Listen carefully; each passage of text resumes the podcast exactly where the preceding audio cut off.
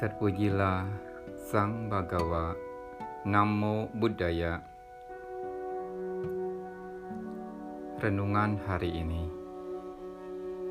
Atta Sama Pani Dija Eta Manggala Muttamangti Membimbing diri dengan benar.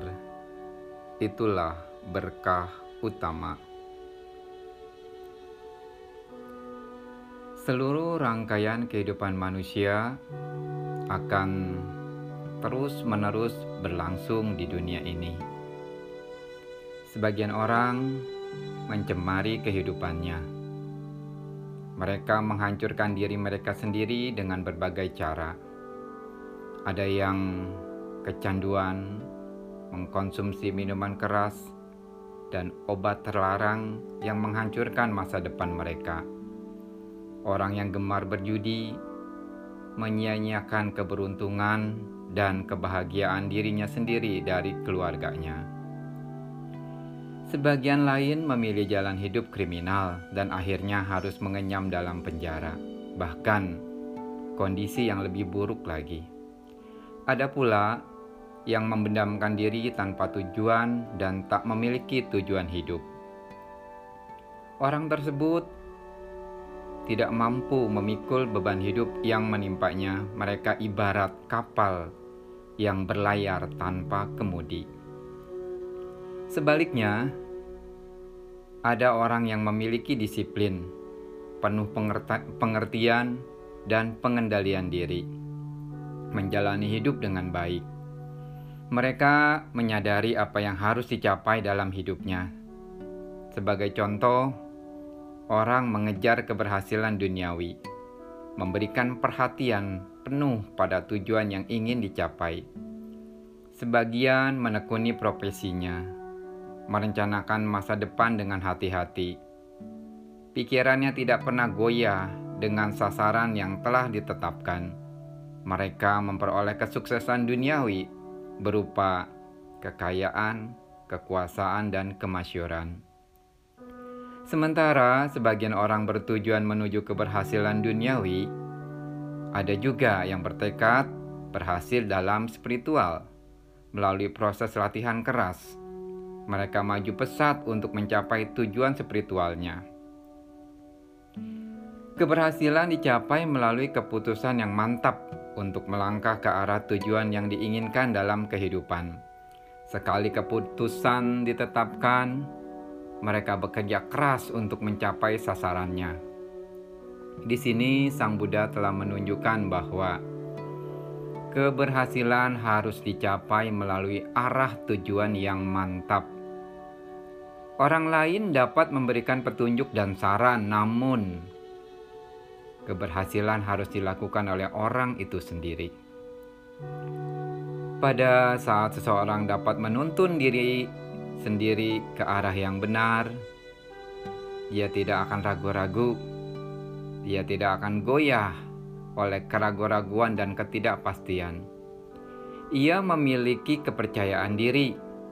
Ia tidak tergantung pada orang lain atau kekuatan lain di luar dirinya. Mereka memiliki tujuan yang benar, tidak akan mengikuti jalan yang salah dan tidak memanjakan diri dengan perbuatan-perbuatan yang tercela. Bila kebajikan seseorang telah tertanam dengan kuat, mereka harus senantiasa waspada dan menghindari kemungkinan-kemungkinan yang dapat menjauhkan diri mereka dari jalan yang benar. Mereka harus selalu waspada dalam setiap kesempatan untuk meyakinkan bahwa mereka berjalan di arah yang benar dengan mantap. Oleh karena itu, melangkah di arah yang benar tidaklah cukup. Mereka harus senantiasa waspada dengan kemajuan yang diperoleh agar tidak tersesat. Setiap orang harus berhasil dalam kehidupannya dengan memulai melatih diri di jalan yang benar sejak dini. Meskipun seseorang telah tersesat, namun ia tetap dapat mengubah jalan hidupnya ke hal-hal yang positif. Sang Buddha dalam hal ini telah menjelaskan bahwa seseorang yang menuntun dirinya ke arah yang benar adalah berkah utama. Sapi sata bawantu suki tata. Semoga semua makhluk hidup berbahagia.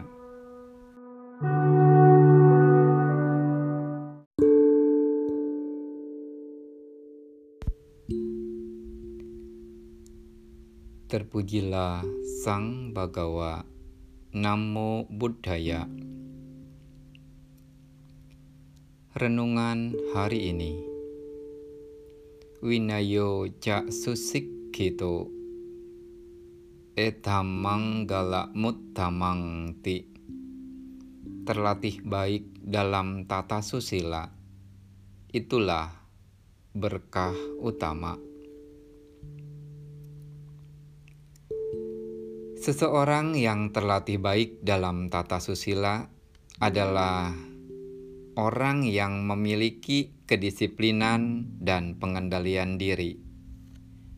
Orang yang demikian akan diterima di mana pun dia berada. Ia tidak menciptakan masalah bagi dirinya sendiri maupun orang lain. Ia tidak menyakiti makhluk lain dengan sengaja perilakunya selalu baik. Seseorang yang memiliki disiplin dan pengendalian diri akan dihormati oleh orang lain. Berbeda dengan orang yang tidak bermoral dan tidak disiplin. Orang yang tidak bermoral menggunakan kata-kata yang kasar, tindakannya kasar dan kejam Pikirannya juga selalu jahat. Sikapnya tidak dapat diterima oleh orang lain. Ia tidak mempedulikan tempat, waktu, dan orang lain.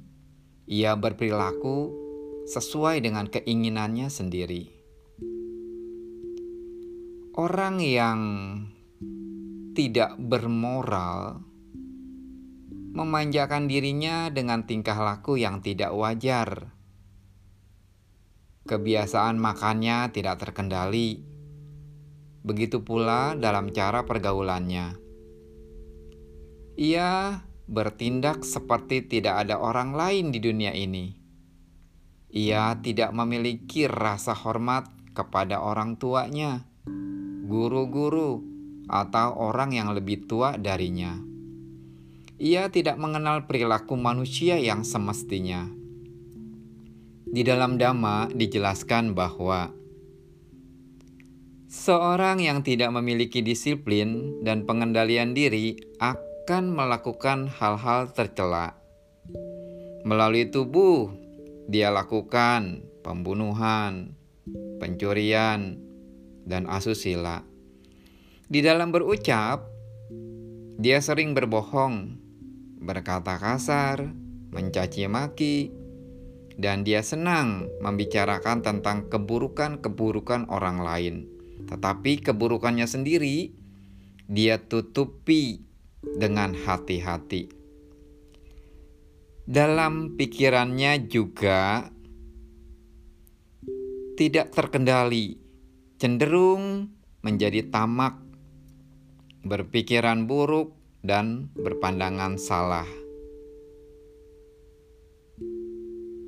Orang yang tidak terlatih dalam tata susila atau orang yang tidak disiplin dan tidak memiliki pengendalian diri, hidupnya akan dihantui rasa ketakutan. Dalam pertemuan dengan orang-orang yang baik, dia tidak percaya diri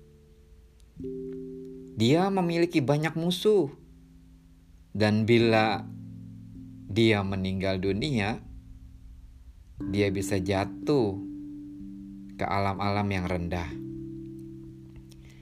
Seseorang yang terlatih dalam tata susila dapat mengendalikan tubuh, ucapan, dan pikirannya. Dia akan menjadi panutan bagi semua orang mereka maju secara spiritual. Kehidupan duniawinya pun akan berhasil karena segala tindak tanduknya selalu terkendali. Untuk kepentingan duniawi, pengendalian diri dan disiplin sangat perlu. Mereka yang disiplin mempertimbangkan setiap keputusan dengan benar. Orang demikian mampu bergaul dengan orang lain tanpa perselisihan. Mereka menciptakan iklim yang harmonis di rumah maupun di tempat kerjanya. Orang demikian dapat bekerja sama dalam suatu kelompok. Mereka selalu berpikiran jernih dan daya upayanya selalu benar. Akibatnya, mereka dapat maju dalam profesi atau dalam perusahaan di mana dia bekerja. Orang yang terlatih dalam tata susila tidak ada rasa penyesalan. Dalam pertemuan dengan kelompok apa pun di mana pun, dia memiliki rasa percaya diri. Banyak yang menyenanginya sehingga dia memiliki banyak sahabat. Dan bila dia meninggal, akan menuju ke alam yang bahagia. Kedisiplinan dan pengendalian diri adalah kualitas batin dalam menciptakan kedamaian, keharmonisan, dan keseimbangan di dalam masyarakat. Oleh karena itu, Sang Buddha mengelompokkan pengendalian diri dalam tubuh, ucapan, dan pikiran sebagai bagian dari berkah utama. Melalui pengendalian diri, seseorang akan mendapatkan keselamatan. Sabbe satta bawantu suki tata. Semoga semua makhluk hidup berbahagia.